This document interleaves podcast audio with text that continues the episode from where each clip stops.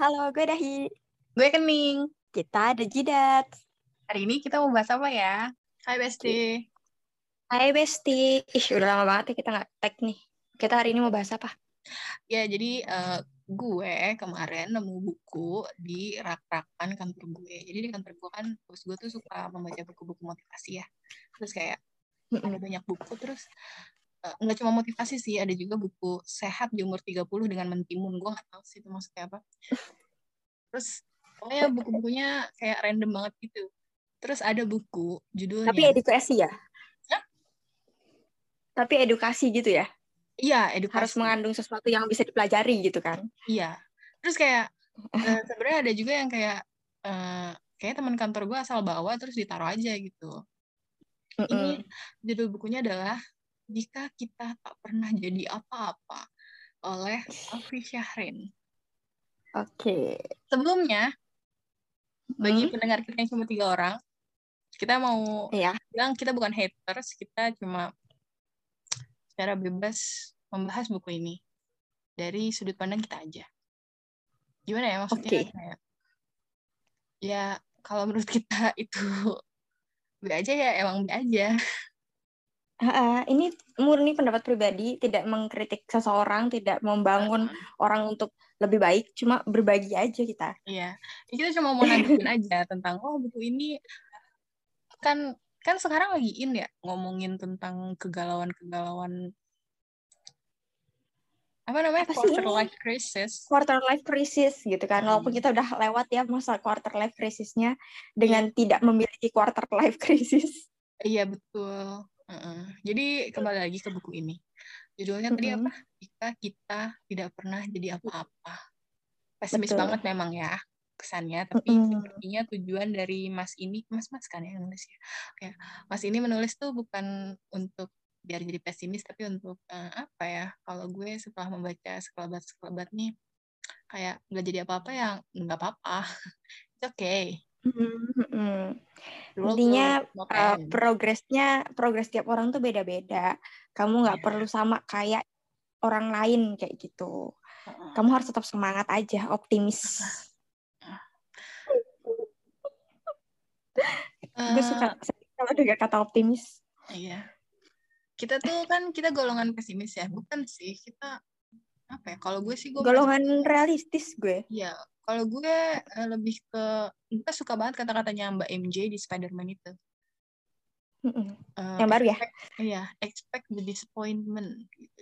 Eh benar juga lagi iya gitu lah pokoknya. ketika kalau ketika lo mengharap bukan mengharapkan ya ketika lo sadar akan seperti apa jatuhnya lo udah siap-siap gitu nggak bakal ya gini doang lah paling gitu. Mm-mm, walaupun pas kejadian tetap sakit sih gitu. Cuma ya, tapi uh, oh, iya, tidak bener, terlalu berlarut uh, berlarut itu nggak lama kayak gitu. Mm. oke. Okay. uh, eh, gue langsung aja kali ya. uh, yang menarik dari buku ini adalah daftar isinya bisa menjadi satu paragraf sendiri. Oh iya. Terus ini itu tuh juga. chapternya tuh ada kayak banyak banget itu ada 45 chapter. Tapi bukunya tuh nggak tebel. Jadi kayak satu chapter tuh kayak cuma dua tiga halaman gitulah. Coba gue bacain hmm. uh, daftar isinya ya. Tapi nggak yeah. semuanya lah gue bacain ya. Se, se, se sedikit aja. Apa? Apa? Gue menunggu lu. Oh gue dengerin lu tadi ngomong eh gitu kayak memanggil. No no no no no. Gue tidak memanggil oh, baca ya. Uh, jadi boleh. chapter dari dari yang pertama tuh saat usiamu 25 nanti. Kemudian ada, Bu, aku gagal masuk universitas negeri. Terus terjebak gap year. Tapi aku nggak tahu mau jadi apa. Jurusan kuliah yang membuatmu sukses dan kaya. Apa perlunya belajar di sekolah kalau ujung-ujungnya titik-titik? Ingin cepat-cepat lulus aja. Apakah kuliah itu penting? Belum bisa kuliah. Saat mereka merendahkanku. Mereka lolos SBMPTN, Aku tidak. Mengapa pendidikan di Indonesia begini banget? Hanya murid rata-rata yang tak penting. Aku cuma pengen orang tuaku bangga. Orang tuaku terlalu banyak menuntut. Salah jurusan, haruskah aku pindah? Bagaimana memilih jurusan kuliah yang tepat? Jurusanku selalu dipandang sebelah mata. nasib mahasiswa kupu-kupu. Dah, itu setengah aja ya gue baca ya. Misalnya iya. ya. Gue tau lo capek kan? ya, ini kayak, aduh, gimana ya, gue pengen bilang, aduh gue relate banget, tapi ini kayaknya buku harian lo deh, Mas, itu. Ah, ah, ah. Uh-huh. Betul. Dan yang akan kita bahas di sini juga nggak semua babnya, mungkin hanya iya. beberapa yang kayak kita banget. Sorry yeah. ya para pendengar, ini kita banget karena ini podcast kita. Iya. iya. apa uh, dulu nih? Lo lo mau yang chapter apa nih? Jurusan kuliah yang membuatmu sukses dan kaya. Oke. Okay. Jurusan Sejujurnya yang membuatmu gue nggak sama kaya. ya, gue belum pernah baca sama sekali ya, pegang bukunya aja enggak. Iya. Jadi ini murni uh, kita menebak-nebak isinya. Iya. Ini gue di sini sambil uh, membaca bukunya. Oke. Okay. Jurusan apa yang membuatmu sukses dan kaya? Uh-uh. Sebenarnya kalau milih jurusan tuh atas dasar apa sih kalau lo kalau lo dulu waktu masih ababil-ababil dulu tuh milih kuliah pakai apa cap cip cup apa aku bisa sih gue sesuatu gitu. gue gue pertama pilih dulu univnya. Oh. setelah itu baru isinya. Oh. mayoritas anak SMA masih begitu biasanya kan. Iya namanya prestis. Prestis. Habis univnya fakultasnya. Terus kayak aduh kalau gue ngambil fakultas ini kok kayaknya nggak nggak ini ya nggak nggak prestis ya gitu. Gue cari fakultas lain yang prestis. Oke. okay. Uh, ini chapter 5 jurusan kuliah yang membuatmu sukses dan kaya. Terus ada kayak footnote-nya gitu. Eh bukan subjudul. Dan ternyata kesuksesan di dunia ini adalah bisa merasa cukup sederhana tetapi tak benar-benar sederhana. Yeah Uh -uh. Jadi ini ceritanya si Mas ini kayak dikasih tahu kalau uh, jurusan yang bisa menjadi masa depan dan bergengsi itu salah satunya kayak kedokteran. Tapi dia merasa kalau uh, dia tahu batas kemampuannya. Dia tuh bukan yang nomor satu di kelas. Jadi terus udah gitu kayak biologi bukan pelajaran favoritku katanya. Terus uh, biaya kuliah kedokteran kan juga besar. Dia dia akhirnya mencari pilihan lain, kemudian dia jujur kepada diri sendiri, aku ingin memilih jurusan yang berhubungan dengan pendidikan. Wah, kuliah juga dia.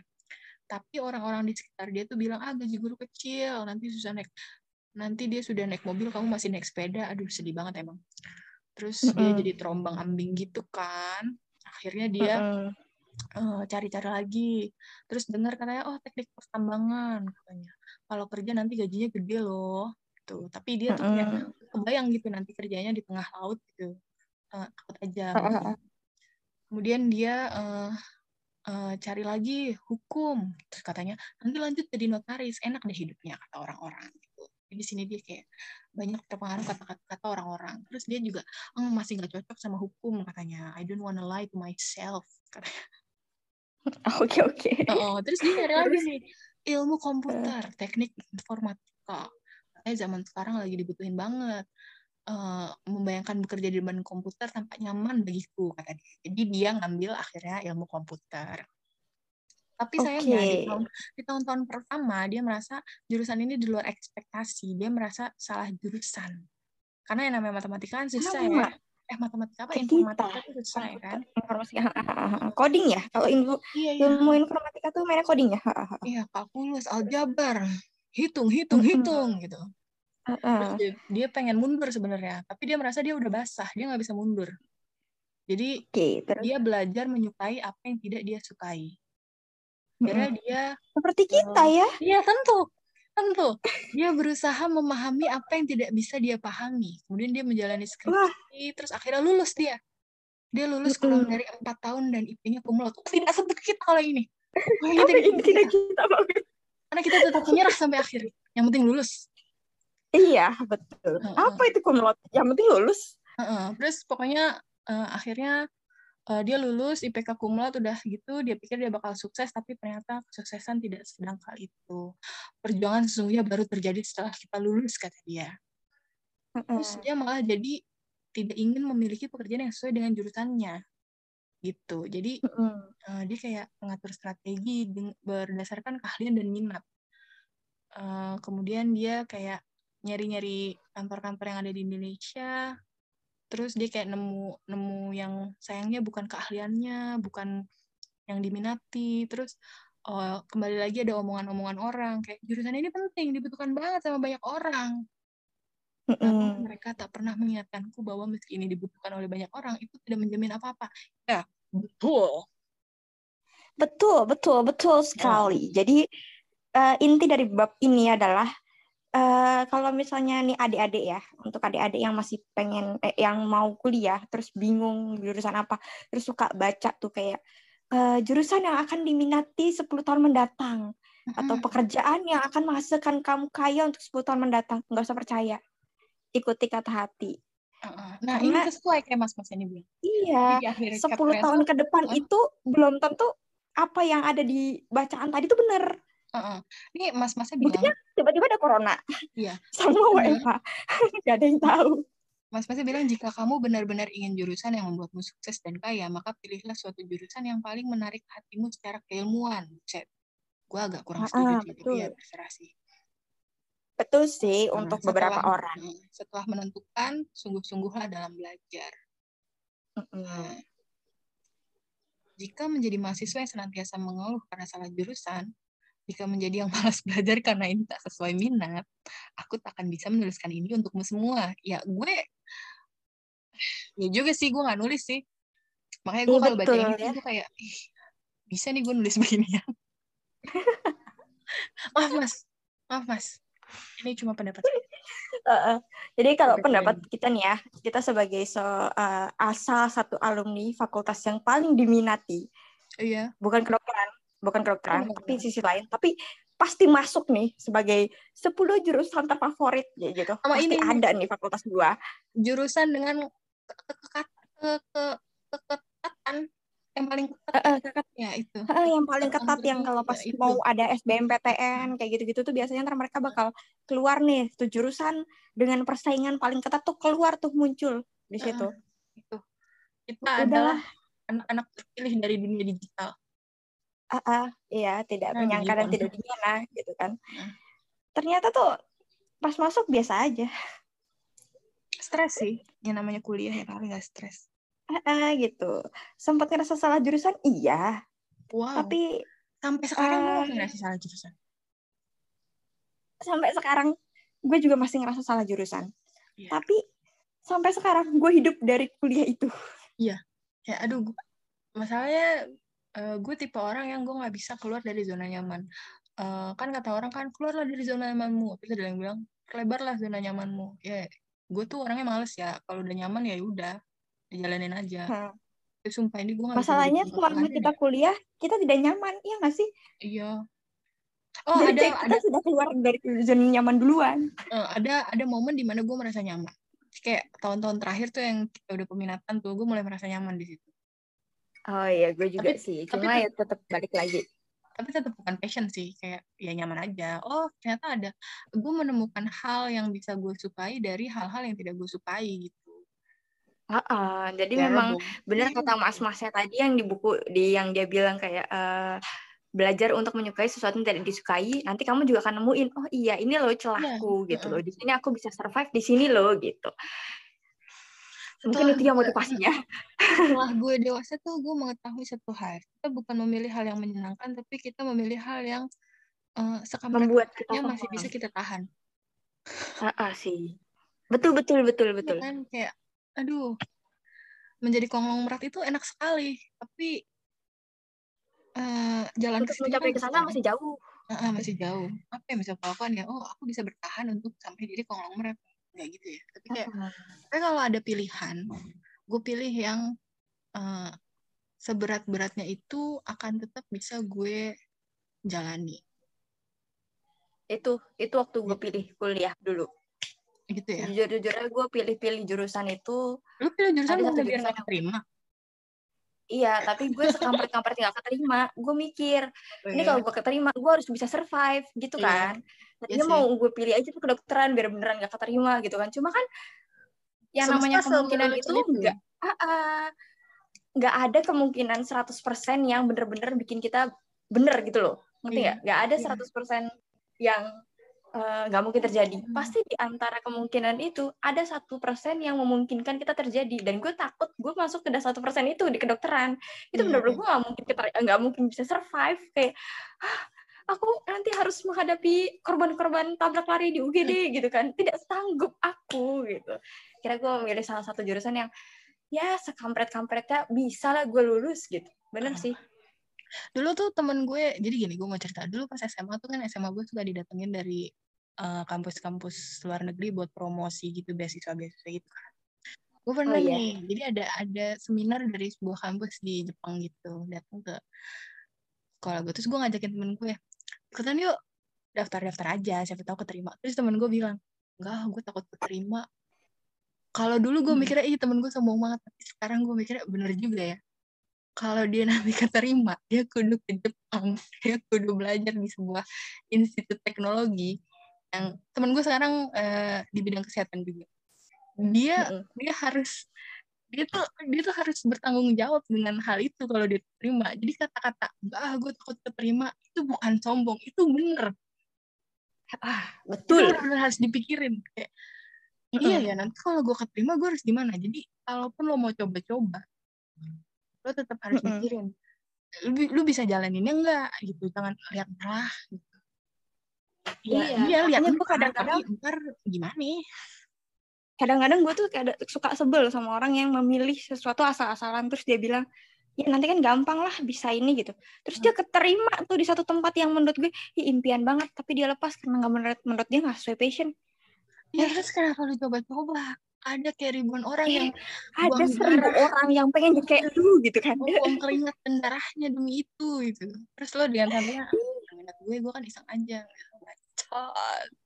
Oh my god lo nggak tahu. Itu ada seribu orang di luar sana yang pengen jadi kayak lu. Iya. bisa bisa lu buat kesempatan itu. Apalagi dulu zaman kita uh, masuk kuliah tuh ya yang ada sistemnya kan dulu sebelum sekarang SNMPTN dan SBMPTN kan ada jalur undangan dan jalur ujian tulis. SNMPTN tulis. Mm -mm. Uh, uh, ujian tulis gitu kan. Iya kan undangan dan ujian tulis kan? Iya uh, uh. sama mandiri, kita tuh bener -bener. mandiri cuma beberapa kampus doang Eh, kalau dan ya. mandiri itu benar-benar terbukanya setelah ujian tertulis kelar. Mm Pengumuman baru dia buka kayak gitu kan. Mm. Nah itu tuh uh, kuotanya benar-benar tergantung dari kakak kelas lo gimana dulu. Iya iya iya. Ada kayak. Iya kan. Ada yang lo kan di apa sekolah lo di blacklist sama fakultas univ ini gara-gara kakak kelas lo dia nggak ngambil tahun kemarin padahal udah keterima. Iya pas jalur undangan uh, khusus jalur undangan. Jadi kalau dulu tuh jalur undangan itu harus diambil. Kalau sekarang kan SNMPTN yang harus diambil kayak gitu kan. Mm. kalau dulu kita sebutnya jalur undangan. Jadi ketahuan nih kita angkatan berapa ya Allah. Nah terus pernah ada satu tuh di Halo. dia itu uh, di tempat gue dia itu ngambil sastra Jerman kalau nggak salah di UI. Oh. Terus dia bilang, iya iya. Sampai guru BK-nya bilang, bener kamu ambil ini. Ah, ah nggak apa-apa bu, iya bener, bener kok saya bener mau ambil ini. Padahal dia anak IPA. Internasional, uh, kelas internasional sih. Yang walaupun sama aja sistemnya, nggak ngaruh apa-apa dengan kelas reguler. Terus iya bu bener kok. Nggak apa-apa. Iya saya ngambil ini. Serius serius serius serius. Serius? Ya beneran. Udah keterima nggak diambil. Tahun gue di blacklist UI-nya kita nggak tahu ya itu rumor atau emang beneran di blacklist tapi kenyataan emang jadi susah buat ngambil. Kenyataannya jadi susah ya, banget untuk rumor doang. Uh, uh, ada yang bilang kayak rumor-rumor doang, tapi nyatanya memang ketika tahun berikutnya nggak ada tuh yang tembus di univ itu gitu. Padahal sebelumnya ada, gitu. sereceh-recehnya si sastra Jerman tadi, kayak gitu. Uh-uh. Sastra Jerman UI tidak receh. Ya, tenang, tenang, tenang. Ya, tenang, tenang. Maksudnya kayak oh. sastra ketimbang kayak fakultas kedokteran. Kalau fakultas kedokteran wajar lah ya, karena persaingannya sangat-sangat ketat kayak gitu kan. Tapi kalau sastra kayak uh,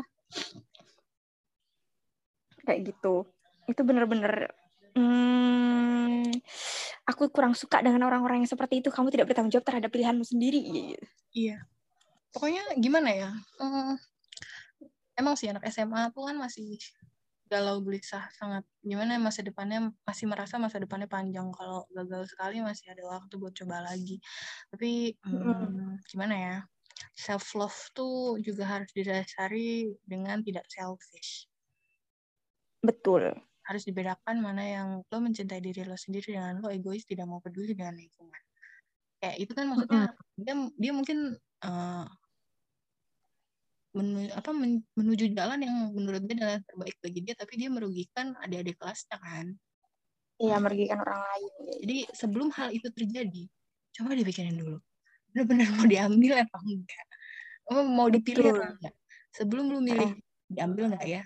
Coba ditarik lagi pilih enggak ya uh, uh, apa ya walaupun apa yang lo pilih itu kayak prestis banget nih kalau gue hmm. masuk bak kebanggaan negara kayak gitu iya dong tapi ingat gitu ada orang-orang yang bergantung sama pilihan lo juga mm -mm. Mm -mm. jangan sampai apa yang lo lo ambil dan lo buang itu sebenarnya adalah kesempatan emas buat orang lain. Iya. Ada orang yang bisa lebih bisa menghargai dengan pilihannya masing-masing kayak gitu. Iya. Dia ngebunuh mimpi orang lain kan. Iya, aduh berat banget tapi emang emang gitu gitu. Hmm. Uh, ada yang bilang katanya rezeki orang nggak mungkin bertukar. Tapi ya Tapi kalau kalah sebelum berjuang kan malu ya. Iya dong. Rezeki orang nggak uh -uh. mungkin bertukar tapi ya lu jangan main-main sama rezeki orang juga. jangan dibuat jangan dibuat jalannya lebih susah gitu mm. Oke kita mau bahas bab apa lagi nih Iya. Ini kali ya, yang apakah IPK menjamin kesuksesan? Iya, belum. Boleh, boleh, ya, boleh. Ya. Judul uh, subjudulnya tuh angka hanyalah angka, tidak mencatat proses yang telah kita lalui, tidak menunjukkan attitude seseorang, tidak mempresentasikan skill yang kita miliki. Tetapi angka bisa jadi bukti kalau kita pernah berusaha. Kita pernah berusaha. Iya. Yeah. Sih gue sama mas-masnya karena gue aduh, mana eh sedikit banget cuma dua halaman. Mas saya juga bisa nulis beginian deh kayaknya. Lu lebih fokus kepada itu ya? Iya. Aduh aduh. Gue nulis gue gue jadi penulis aja kali ada nggak apa-apa. Buku-buku pesimis. Nih untuk kamu yang pesimis gitu-gitu kan. Kayak nggak apa-apa pesimis namanya namanya hidup iya pilihan iya pilihan nih uh, dia kata dia angka tidak mencatat pengalaman-pengalaman yang telah kita lalui tidak menunjukkan attitude, tidak mempresentasikan skill, terkadang angka hanyalah angka. Jadi apakah IPK menjamin kesuksesan? Memangnya ada penjamin kesuksesan di dunia ini? Jika ada jika jadi jika pertanyaannya diubah, apakah IPK penting? Well, it could be kata Mas gitu. Menurut gue penting. Menurut lo? Hmm, tergantung kalau IPK gue jelek, gue bilang gue nggak penting. Kalau Tapi kalau IPK gue bagus, penting. Kalau menurut gue penting karena minimal itu syarat lulus yang penting lulus aja angkanya berapa mah ya iya M aja betul betul, betul. nggak apa-apa lo lo mau koma nol juga terserah tapi uh, uh, ya. iya sih yang penting lulus ya. IPK itu penting ketika menentukan kelulusan. Jadi ya menurut gue itu penting bagian lulus aja deh. Tapi kalau misalnya itu untuk menjamin kesuksesan belum tentu. Iya. Gue tuh IPK-nya jelek banget kan. Jadi waktu ya, sama gue juga berarti kan. Waktu kuliah tuh gue memutuskan untuk gue harus punya satu hal yang lebih bagus dari PK gue. Jadi kan memang kalau fokusnya adalah untuk nyari kerja itu kan rekruter juga kayak beli kucing dalam karung ya tapi kalau lo dari kalau CV lo cemerlang kan eh, karung lo lebih dilirik gitu biarpun isinya juga nggak mm -hmm. tahu kalau di, di balik si karung cemerlang itu ada kucing garong ya kan siapa tahu di iya. yang karungnya buluk isinya kucing Persia tapi kan uh -uh. yang pasti dilirik orang tuh yang karungnya bagus dulu dong nah itu jadi Betul. menurut gue menurut gue untuk IPK itu kayak gitu IPK alma mater itu tuh karung yang bagus untuk dilirik pertama kali tapi -uh. setelahnya ya tergantung kucingnya -uh. jadi gue harus lulus dengan keunggulan lain selain karena IPK gue gak bisa gue banggain jadi gue harus punya sesuatu di situlah gue memilih untuk betul, betul, betul.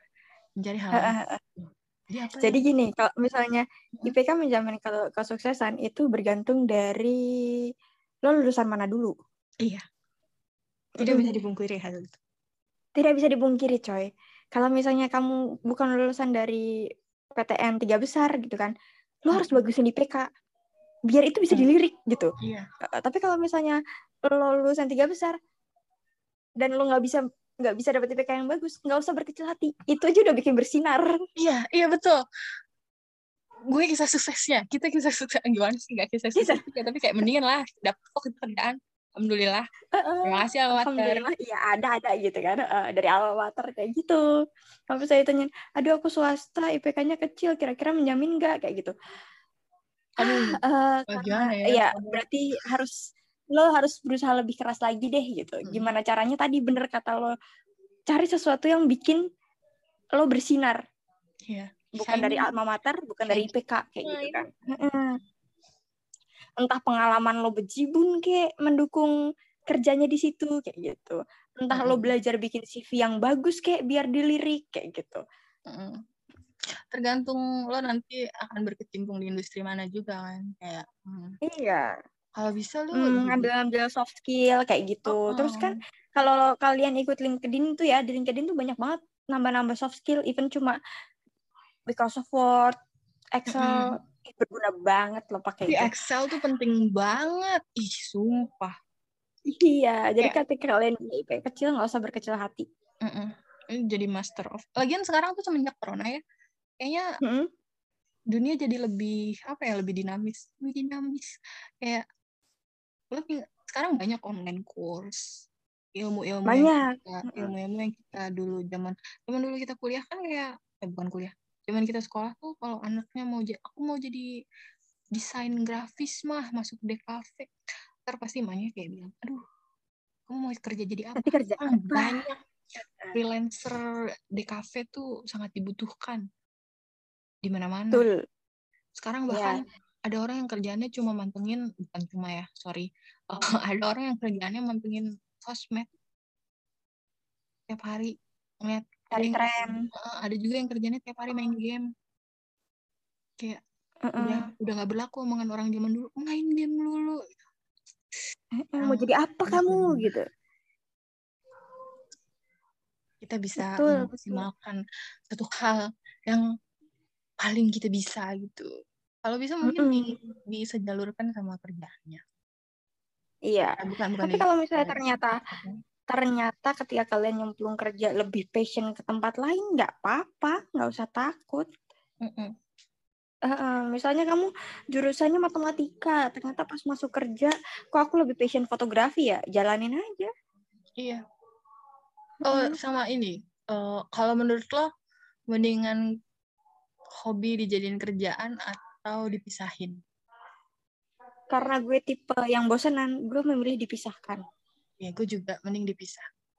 Kalau uh -uh. gue karena gue nggak mau hobi apa hal yang menjadi sumber kebahagiaan gue juga jadi sumber kemumetan gue. Betul, gue juga, iya. Iya, yeah. sama gue. Karena kita bukan tipe orang yang gampang ajak dengan satu hal kan ya. Uh -uh. Uh, jadi kayak kalau misalnya dibilang, aduh gue hobi banget nih um, fotografi, terus menjadikan itu sebagai sumber keuangan utama, wah amburadul ntar hidup gue. Oh gue tuh kayak pernah pernah dengerin stand up komedi gitu, aduh siapa sih namanya gue lupa, pokoknya orang Chinese American gitu. Jadi dia juga cerita tentang karir gitu kan. Terus dia cerita bapaknya tuh bilang gini, uh, we do jobs that we had, we hate, jadi kita melakukan mm-hmm. pekerjaan yang kita benci itu agar kita bisa melakukan hal yang kita sukai. To do things that we love. Jadi gue kayak gitu. Jadi gue kerja gue gak suka gue ngeluh mulu. Tapi kemudian untuk membiayai hal yang gue sukai gitu. Jadi kayak ya win-win solution aja jadi netral hidup gue. Hmm jadi lo ada penyemangat untuk melakukan pekerjaan itu ya? Iya kita semua butuh kausal, sobat. Iya, iya betul Bukanlah juga. Kausal. Betul, betul, betul. Duh. Udah kayak 30 menitan gitu kita. Panjang juga. Iya, dua, dua chapter itu aja ya. Iya, udahlah dua chapter aja cukup nih. Soalnya yang relate sama kita cuma ini doang. Iya. Sebenarnya sebuku relate sih kalau menurut gue. Karena karena menurut gue kenapa sih emang kalau nggak jadi apa-apa? Kenapa semua orang tuh sekarang kayak harus tak tak tak tak oh kalau lu nggak bisa investasi lu belajar investasi jangan mau ketinggalan dari teman-teman it's okay ya yeah, I'm fine being Betul ya. Uh, kenapa orang harus untuk harus menjadi apa-apa gitu? Kalau misalnya semua orang menjadi apa-apa terus yang jadi nggak jadi apa-apa gimana? Oh, oh, kalau semua orang jadi CEO, yang menjadi karyawannya siapa? Iya. Kalau semua orang jadi yang dielu-elukan, yang elu-elukan tuh siapa? Betul. Mm -mm. Kalau semua orang jadi presiden, yang jadi menterinya siapa? Semua Betul, orang punya puncaknya masing-masing. Oh. Iya, jadi nggak usah takut lah. Uh -uh. Uh, yang yang merasa kayak aku tuh anaknya karyawan banget nggak bisa jadi bos terus semua orang pengennya aku jadi CEO nggak apa-apa nggak apa-apa jadi karyawan aja udah iya nggak ada yang salah deh jadi nggak ada yang salah kalau memang kamu passion kalau jadi karyawan yang salah, itu, yang salah itu kalau udah jadi karyawan tapi tidak merasa itu membahagiakan atau tidak menjadikan dia alasan untuk melakukan hal yang bahagia Gitu. Betul gitu. Tunggu hidup ini polemik. Banget. Mau mau ambis nggak apa-apa, mau pesimis nggak apa-apa. Gila kita netral banget jadi orang.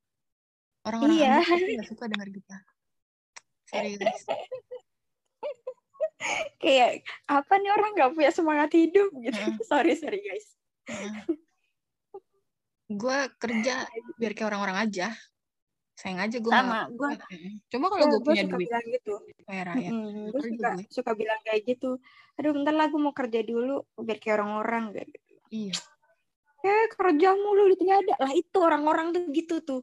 Mm-mm. pada kerja mulu gak ada duitnya kan? Sama gue juga gitu. Iya terus kayak apa? Apa lagi ya? Kayak apa tuh? Uh, kita tuh harus melakukan sesuatu yang edit value. Lu tuh edit value kan? Kayak lo harus meraih manfaat dari hal yang lo lakukan gitu. Hmm. gak ada manfaatnya juga nggak apa-apa. Kalau seneng aja tapi jangan kebablasan juga. Kayak kita harus tetap punya yeah. ya batasan-batasan di mana uh, ya itu tanggung jawab tadi itu hmm. bikin bikin achieve lah setiap bulan kamu harus bisa apa walaupun cuma satu skill nggak apa-apa gitu. Tapi kalau misalnya besok kayak aduh ini udah bulan ke-6 gue udah males ngerjainnya. Nggak apa-apa istirahat aja sebulan. Ntar bulan depan lagi kamu nyoba lagi gitu. asal tidak ada yang dirugikan kita hidup bermasyarakat sobat-sobat sekalian.